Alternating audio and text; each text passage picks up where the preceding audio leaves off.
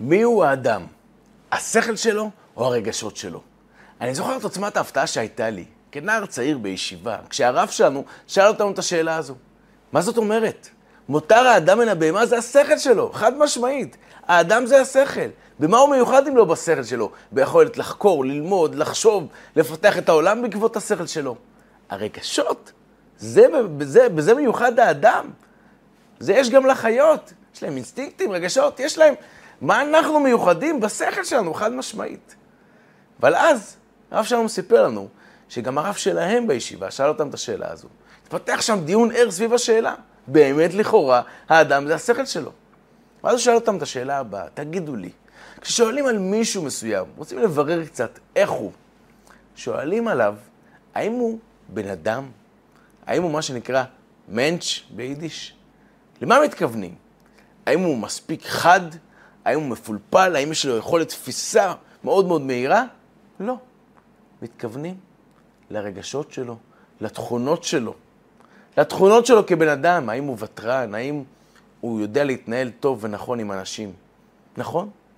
אז האם הוא בן אדם? זה פתאום הרגשות שלו? זה התכונות שלו? מה הולך כאן? אנחנו ננסה היום לדון בשאלה הזו. האם האדם הוא השכל שלו או הרגשות שלו? ונדון על זה באמת מתוך פרשת שופטים, פרשה שלנו שאנחנו נמצאים בה עכשיו, ומתוך פסוק מאוד מאוד מפורסם, שכולנו מכירים אותו בדרך כלל בקשר לט"ו בשבט. כי האדם עץ השדה. כשכולנו חוגגים חג לאילנות, מסבירים לנו למה אנחנו חוגגים? כי האדם עץ השדה. זה לא איזה קטע משיר, זה ממש פסוק בתורה, בפרשה שלנו, פרשת שופטים. כי האדם עץ השדה. ננסה להבין את הפירוש שלו, את ההקשר שלו, ואיך זה קשור לשאלה שלנו. האם האדם הוא השכל שלו או הרגשות שלו? זה בהחלט קשור. בואו נתחיל. כי האדם השדה בעצם מתוך דיני המלחמה שמופיעים בתוך הפרשה שלנו, פרשת שופטים. פרשה הזו עוסקת בדיני המלחמה השונים, במותר ובאסור, ואומרת לנו התורה, כשאתה בא להילחם בעיר וצר עליה במצור, כי האדם את עץ השדה, אל, תח... אל תכרות את העצים שם. את עצי הפרי שנמצאים שם באותה עיר, תיזהר מלכרות אותם. למה? אומר, אומר הפסוק, כי האדם עץ השדה לבוא מפניך במצור. תוך כדי המצור, תזכור שהאדם עץ השדה, האדם דומה לעץ, העץ דומה לאדם, ולכן עץ פרי, תיזהר לא לכרות אותו. ומוסיפה התורה ואומרת, כי ממנו תאכל ואותו לא תכרות. אחד הפירושים המקובלים על הפסוק הזה, זה שהעץ הזה, עץ הפרי, אנחנו אוכלים ממנו, כמו שהתורה אומרת. הוא בעצם מעניק לנו חיות, הוא מעניק לנו מזון, הוא מעניק לנו חיים. אתה לא יכול לכרות, מה שנקרא, את הענף שעליו אתה יושב. אתה לא יכול, אתה לא יכול לכרות עץ פרי שנותן לך חיים. אתה לא יכול לכרות אותו. לעומת זאת, התורה אומרת, אם יש לנו עץ סרק, עץ שלא נותן פרי, את העץ הזה בהחלט, כשבאים במלחמה לעיר ורוצים לכבוש אותה, אז חלק מהצעדים האלו כדי לעשות מצור, זה גם לכרות עצים, את העץ הזה, חד משמעית, אותו תשחית וחרטת. חלק מהמלחמה זה גם לכרות את העצים האלו שאינם עצי פרי. אז כי האדם את השדה, זה בעצם מתוך, ה, מתוך דיני המלחמה האלו. אמרנו שהעץ דומה לאדם, האדם דומה לעץ. אבל כשאומרים לנו כי האדם את השדה, זה נשמע משפט הרבה יותר חזק לכאורה ממה שזה נשמע עכשיו בפסוקים. כי הרי, כי האדם את השדה, זה לא סתם שהעץ דומה לאדם, אחרת היה אפשר לומר גם כי העץ, עץ השדה, הוא האדם. אבל לא, אומרים כי האדם עץ השדה. יש פה משהו שהוא הרבה יותר מהותי והרבה יותר משמעותי מאיזשהו דמיון קל בין עץ הפרי לאדם. ממש אומרים לנו, האדם, תדעו שהאדם עץ השדה. אדם דומה לעץ. ואם זה הפירוש וזו המשמעות, אנחנו חייבים להבין עד הסוף מה זה אומר שהאדם במהות שלו דומה לעץ הפרי. אז כדי להבין את זה, אנחנו נלך לגמרא במסכת תענית. שם המוראים מביאים את אה, אמרתו של רבי יוחנן. רבי יוחנן מביא את הפסוק הזה. מהו שכתוב כי האדם עץ השדה? וכי האדם עץ השדה הוא? האדם באמת הוא עץ השדה? כמו ששאלנו עכשיו. לא, זה לא איזשהו פרט טכני שאומרים שהוא דומה. אומרים כי האדם עץ השדה. אם זה כזה מהותי, האדם הוא עץ השדה? תכף נחזור לשאלה הזו של רבי יוחנן. אבל מה התשובה של הגמרא? אומרת הגמרא, אומר רבי יוחנן, אומר כך, אלא משום שכתוב, באותם פסוקים, כתוב מצד אחד על עץ הפרי, כי ממנו תאכל ואותו לא תכרות. זה הפסוק האחד. לעומתו, הפסוק השני, על עץ הסרק, אותו תשחית וחרטה.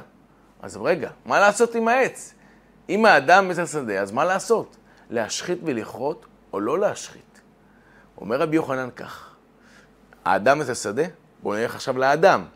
תלמיד חכם, לוקח דמות מסוימת של בן אדם, תלמיד חכם.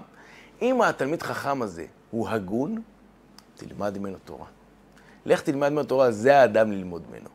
אבל אם האדם הזה, אותו תלמיד חכם, אינו הגון, זאת אומרת מעשיו אינו הגונים, אז אותו תשחית וחרעת. אל תלמד ממנו. אדרבה, תרחיק אותו ממך, מה שנקרא.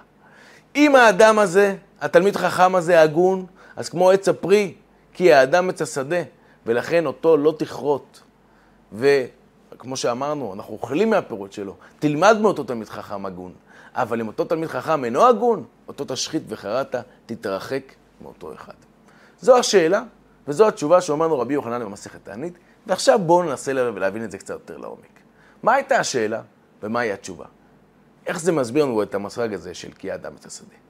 הרי רבי יוחנן שואל פה שאלה, וכי אדם עץ השדה הוא? בואו נתחיל מהשאלה. דבר ראשון, אנחנו יודעים, מי שקצת מכיר את המושג של האדם את השדה, חגג ט"ו בשבט, יודע למה אנחנו חוגגים את זה. הרי יש לא מעט מאפיינים באמת בין האדם לעץ השדה. לא מעט מאפיינים. יש לעץ שורשים, יש לו גזע ענפים ויש לו את הפירות שלו. גם לנו יש את השורשים שלנו, יש לנו את ההורים שלנו, יש לנו את האמונה שלנו. הדברים האלו הם השורשים שלנו, אחרי זה יש אותנו, את האישיות שלנו, את ההתפתחות שלנו, זה הגזע, הענפים, גוף העץ, ויש את הפירות. אלו הילדים. לכאורה, כבר מצאנו פה הקבלה מצוינת. לא סתם אנחנו אומרים על ילד של מישהו, על בן של מישהו, אומרים, התפוח לא נפל רחוק מהעץ. או אנחנו אומרים על מישהו, הוא מחובר חזק לשורשים. למה? אנחנו יודעים שבאמת יש לא מעט מאפיינים דומים בין העץ לבין האדם, ובין האדם לבין העץ. ולכן, כי האדם עץ השדה, זאת אומרת, למה, למה אתה כזה שולל את זה? וכי האדם עץ השדה הוא? יש לא מעט מאפיינים, יש את המשנה במסכת אבות, שמשווה את האדם לעץ, ואומרת שהאדם שיש לו שורשים חזקים, זאת אומרת שיש לו הרבה הרבה מעשים, העץ הזה, כל רוח שתבוא בעולם, לא תכרות אותו ולא תפיל אותו. אותו דבר האדם, האדם שיש לו מעשים, אפילו שהחוכמה שלו לא גדולה, שום רוח שבעולם לא תזיז אותו מהמעשים הטובים שלו. אז יש לא מעט מאפיינים בין האדם לבין העץ. מה, מה השאלה בעצם של רבי יוחנן? קודם כל ננסה להבין את השאלה. ואז נבין גם כן את התשובה יותר לעומק. אלא יש כאן שאלה אחרת. רבי יוחנן אומר, נכון שיש מאפיינים דומים בין, בין האדם לבין העץ, אנחנו כולנו מכירים את זה. אבל אתה אומר כי האדם עץ השדה הוא. שוב פעם, בואו נחזור לפסוק. זה לא שיש איזה דמיון, לא שיש פרטים דומים. האדם, אתה רוצה להגדיר אדם? שאלנו, השאלה שפתחנו, מי הוא האדם? מי הוא האדם? עץ השדה. האדם זה עץ השדה. ומה זאת אומרת שהעץ, עץ השדה, הוא האדם. כשאתה בא להגדיר את המהות של האדם, זה עץ השדה. מה הכוונה? זו השאלה של רבי יוחנן. אוקיי, אז מה בעצם התשובה?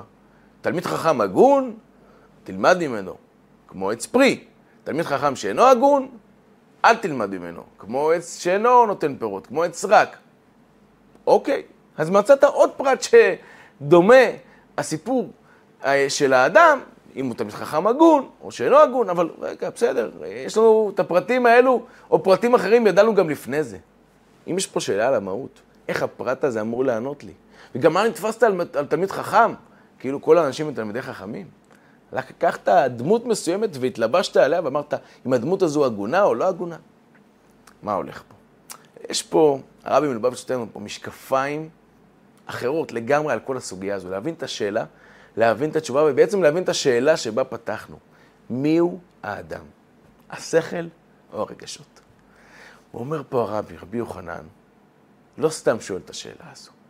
לא סתם שואל, חי האדם את השדהו. מה זה העץ שבאדם? עכשיו אנחנו קצת נלך לרובד יותר פנימי ויותר עמוק. באדם, וזה קצת המשך לשיעור הקודם שלנו על כשרות, גם שם הזכרנו, שבאדם, האדם בעצם זה עולם קטן.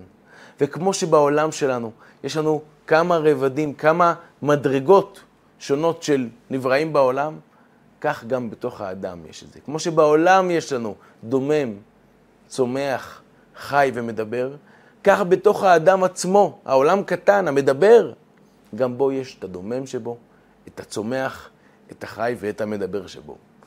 את כל זה יש בתוך האדם עצמו. אנחנו לא ניכנס לתוך כל דורשי החסידות שמסבירים מה זה כל מדרגה. אנחנו נתרכז במדרגה שלשמה התכנסנו. העץ, הצומח. מה זה הצומח שבאדם? מוסבר בדרושי החסידות, בתורה הפנימיות הזו שמעמיקה בתוך הרבדים השונים באדם. מוסבר שהצומח שבאדם, אלו הרגשות שלו. הרגשות שבאדם, האופי של האדם, מצד אחד אפשר לראות את זה ממש מקטנות, בדיוק כמו שבצמח, בשתיל, כבר אפשר לראות לאיפה, מה הכיוון שלו, איך הוא הולך להיות. גם אצלנו כבר ממש איך שאנחנו נולדים, אפשר לקלוט כבר אופי, את הבסיס של האופי של התינוק, של הילד. יחד עם זאת, הצמח, הילד גדל ומתפתח, וכמובן שהמושגים גם משתנים. הרגשות, מה שריגש ילד ב- ב- ב- כשהוא היה קטן, אם זה סוכריה שהייתה מרגשת אותו, אז כשהוא כבר גדול, צריך קצת יותר מסוכריה בשביל לרגש אותו. הרגשות, הבסיס הוא אותו בסיס, אבל הרגשות צומחים, מתפתחים, מתעצמים כל הזמן. בדיוק כמו בצמח, שהבסיס קיים, הוא מחובר לשורשים שלו, מחובר לאדמה, אבל הוא הולך, גודל וצומח עם השנים ומתעצם עם השנים. אז הצומח שבאדם, אלו הרגשות שבו. ופה מגיעה עוצמת השאלה של רבי יוחנן. רבי יוחנן שואל את השאלה, זועק את השאלה, וכי אדם עץ השדהו? בדיוק כמו השאלה שפתחנו בה את השיעור. כמו שאנחנו זעקנו אל מול הרב שלנו. מה זאת אומרת? אדם את השדה? אתה אומר שהעץ הצומח שבאדם זה בעצם הרגשות. וכי האדם עץ השדהו? אדם זה הרגשות שבו? הרי מותר האדם זה השכל שבו. היכולת לחשוב, לחקור, ללמוד, להסתקרן. בואו קצת נתבונן סביבנו, בואו נשאל ביחד את השאלה של רבי יוחנן. בואו נסתכל על מה האדם קידם בעולם, על איך בעצם אנחנו, נבראים מפותחים יותר, האדם המדבר, בשבילנו לאכול זה לא ללכת פשוט לחציר ולאכול אותו. אנחנו כבר צריכים מאכלים מגרים, שיגרו גם כן את המוח שלנו, את העיניים שלנו, שזה יהיה תאווה לעיניים, מה שנקרא. אוכלים אוכל כזה, ואוכל כזה, וטעם כזה, וטעם כזה. כל מה שסביבנו, השיעור הזה שעכשיו משודר אליכם, הכל זה בעקבות החוכמה של האדם. האדם נע סביבו כל הזמן עם כלים שאנשים, שמוחות של אנשים, חשבו, חקרו ופיתחו, וקידמו בעצם את האפשרויות של האדם. אז האדם, כל מה שמיוחד בו לכאורה, זה השכל שלו. ויותר מזה, זה מעבר לפן של לאיפה האדם מתקדם פיזית בעולם. אם ניכנס קצת לפן של משמעות, למה כל זה? למה כל החיים שאני חי אותם? למה העולם הזה שנבראתי אליו?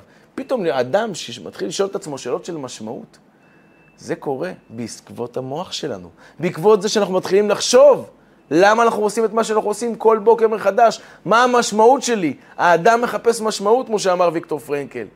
אז אוקיי, מה המשמעות שלי? כל השאלות הגדולות האלו, העצומות האלו, זה רק בזכות מותר האדם, המוח שבנו, השכל שבנו, המחשבות שבנו. אז כי האדם עץ השדה, הוא שואל רבי יוחנן, האם האדם עץ השדה זה הצומח שבו, זה הרגשות? האדם, זה אמור להיות השכל שלו, זה האדם. מהי התשובה? אומר רבי יוחנן, יש לנו כאן שני פסוקים, יש פה שתי פסוקים בעצם שונים בתורה. בתוך הפסוקים האלו של האם לכרות את העץ או לא לכרות את העץ. מצד אחד, אותו תשחית וחרטת לגבי עץ מסוים שאינו נותן פירות. מצד שני, ממנו תאכל, ובו לא תיגע. כי האדם את השדה, העץ שנותן פירות. מי זה האדם הזה? ומביא פה רבי יוחנן דוגמה של תלמיד חכם, אבל זו רק דוגמה כדי להמחיש לנו את הרעיון העוצמתי שטמון בתשובה הזו. הוא אומר, אם תלמיד חכם, לדוגמה, אצלנו היינו אומרים עכשיו, אם פרופסור גדול, אדם שיש לו מחשבות, יש לו חשיבה מעמיקה, רציונלית, חוקרת, סקרנית, האדם הזה עכשיו חושב הרבה מחשבות. והוא מקדם את העולם אפילו, כן? הכל טוב ויפה, הוא נכנס לשאלות פילוסופיות, מביא חוכמה מדהימה. אבל האדם הזה, תלמיד חכם שאינו הגון, האדם הזה, אל תלמד, ממנו תורה. אותו תשחית וחרטה. לעומת זאת, אם האדם, אותו תלמיד חכם, תלמיד חכם הגון, ממנו תאכל. מה הסיפור? מה, מה, מה בעצם טמון פה בתשובה? בואו נחזור לשאלה של השכל או הרגש. מה קורה כאן? אומרים לנו בעצם, אומר לנו רבי יוחנן, השכל של האדם הוא דבר נפלא. חד משמעית, השכל של האדם הוא אפילו מותר האדם. בזה הוא חושב, מחכים, מפתח את העולם וגם חושב על המשמעות שלו בחיים. הכל טוב ויפה. אבל בסופו של דבר, מי זה האדם? מי זה האדם זה לא רק מה המותר שבו. מי זה האדם? זה מה זה אדם שלם. מי זה אדם שלם? איך אדם צריך להיראות? אדם לא צריך להישאר אף פעם רק ברובד השכל שלו, רק ברובד הפילוסופי, התיאולוגי שיש לו בראש. אדם שלם זה אדם שמוריד את כל החשיבה הנפלאה שיש לו במוח, תכלס. מוריד את זה אליו, לחיים שלו, לפרקטיקה, לחיי המעשה, לאיך זה קשור אליו. לא רק איך השאלות המוסריות היפות שהוא שואל את עצמו, את השאלות האלו. לא רק. איך הוא חושב אותם ואיך הוא מחכים בהם, אלא איך בסוף השאלות האלו, השאלה הזו, איך היא קשורה אליו. מספרים על איזשהו מרצה, שהיה מרצה שהגיע להרצאה נגד עישון. המרצה הזה מרצה ומסביר עם תרשימים ומצגות ועניינים ומסביר איך העישון פשוט מזיק לבריאות, מזיק לאדם, הורס אותו מבפנים. ואחרי ההרצאה הנפלאה, בסופו, בסוף ההרצאה, המרצה, המרצה יוצא החוצה. אחד התלמידים שהיו שם בא אליו לסמולטוק, רוצה לשאול את השאלה. ולהפתעתו, הוא רואה שהמרצה בחוץ, מעשן סיגריה. אומר לו, מה כבוד המרצה? מה? לפני שנייה הסברת לו כמה הדבר הזה זה רעל. אומר לו, עכשיו אני לא מרצה. עכשיו, אני ז'אק שעכשיו מעשן סיגריה, זה לא משנה. אני עכשיו מישהו אחר. יש את ההרצאה שלי, הרצאה פילוסופית, תיאולוגית מאוד מאוד יפה, אבל כעת אני אחד שמקשיב לתאוות שלי. מה הבעיה באדם כזה? לפעמים זה נשמע מצחיק, אותו מרצה, אבל אנחנו לא שמים לב שאנחנו בדיוק אותו מרצה. אנחנו יכולים לחשוב על הרבה דברים, יכולים לפתח, להאמין בדברים, ללמוד על דברים לעומק, ללמוד על משמעות, ללמוד על מוסריות, ללמוד על דברים הכי חשובים בחיים, ללמוד אפילו תורה, ותורת החסידות, ופנימיות, והרבה דברים נפלאים, ואיך העולם נוצר ונברא כל רגע מחדש. אבל, אם אנחנו נלמד את כל הדברים הנפלאים האלו, שחשוב מאוד מאוד ללמוד אותם, אבל אנחנו לא נבלע אותם ונלעס אותם, ובעיקר, בעיקר, נוריד אותם מהעולם התיאורטי אל העולם המעשי שלנו. איך זה קשור אליי? העישון מזיק לבריאות. איך זה מזיק לבריאות שלי? הקדוש ברוך הוא מחיה את העולם. איך הוא מחיה את העולם שלי? איך זה, העולם שלי מתהווה בכל רגע מחדש.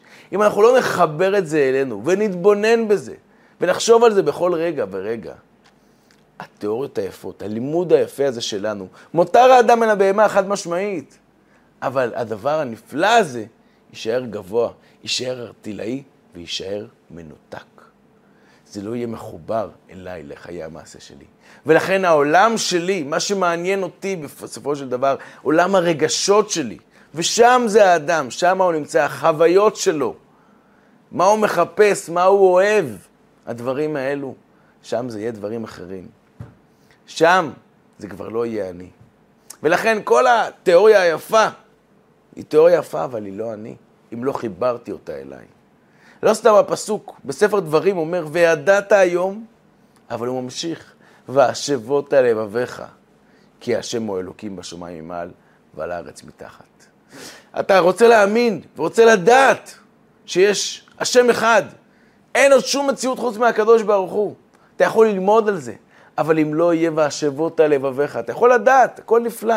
אבל אם זה יישאר תיאורטי, זה לא יהיה קשור לעולם שלך, זה לא יהיה קשור אליך, לדוד, לראובן, לשומן, לכל אחד ואחד, אז זה לא ישפיע עליך, וזה לא יהיה העולם שלך, וזה לא יהיה אתה, וזה לא יהיה האדם.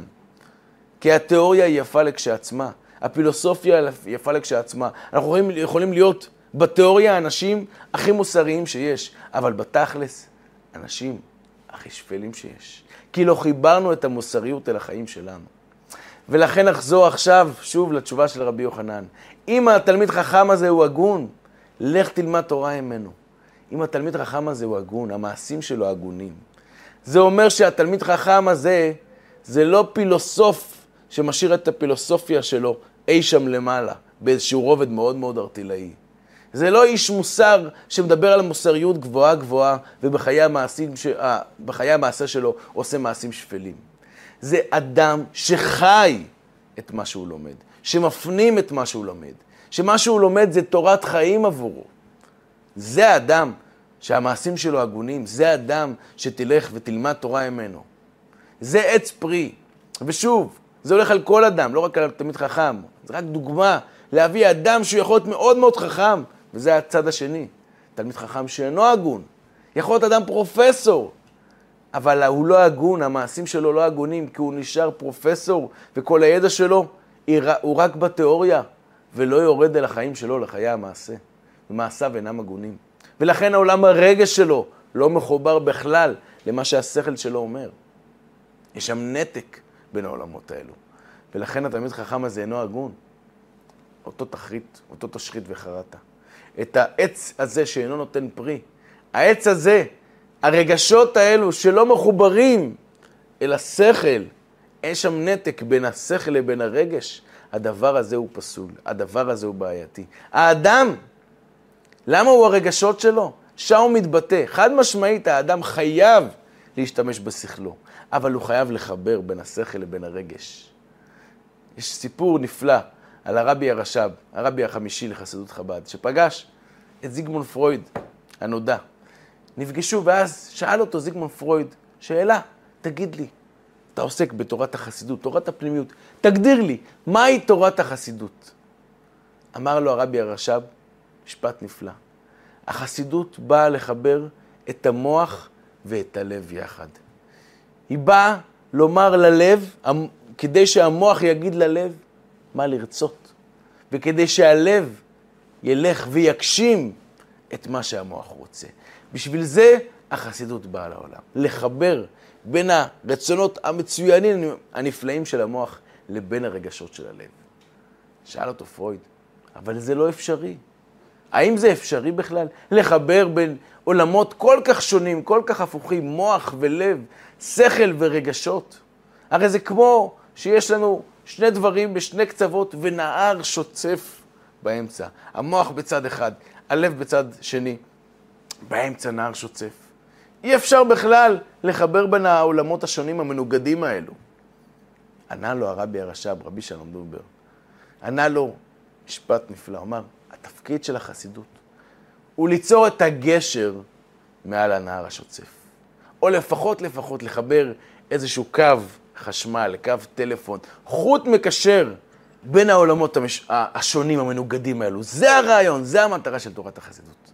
נכון, לפעמים הדברים בעולם השכל יכולים להישאר תיאורטיים, וזה בדיוק, בדיוק הרעיון. שהאדם נמדד לא רק בשכל שלו, אלא איך הוא לוקח את השכל ומביא אותו לעולם הרגש, ומשם לעולם המעשה. איך הוא מתחיל לחיות את מה שהוא מדבר עליו כל כך הרבה. זה בדיוק הרעיון. אז מה המסקנה שלנו בסופו של דבר? המסקנה שלנו אם ככה, בואו נוריד קצת במינון מהדברים הגדולים, הנפלאים, המוסריים, הרוחניים, על משמעות האדם, על משמעות העולם. זו המסקנה שלנו מדברי הגמרא. אם כי האדם עץ השדה, אם האדם בסוף זה הרגשות שלו, אולי קצת נוריד במינון של הלימוד השכלי, אולי נלמד ממש דברים פרקטיים, איך לעשות מעשים טובים.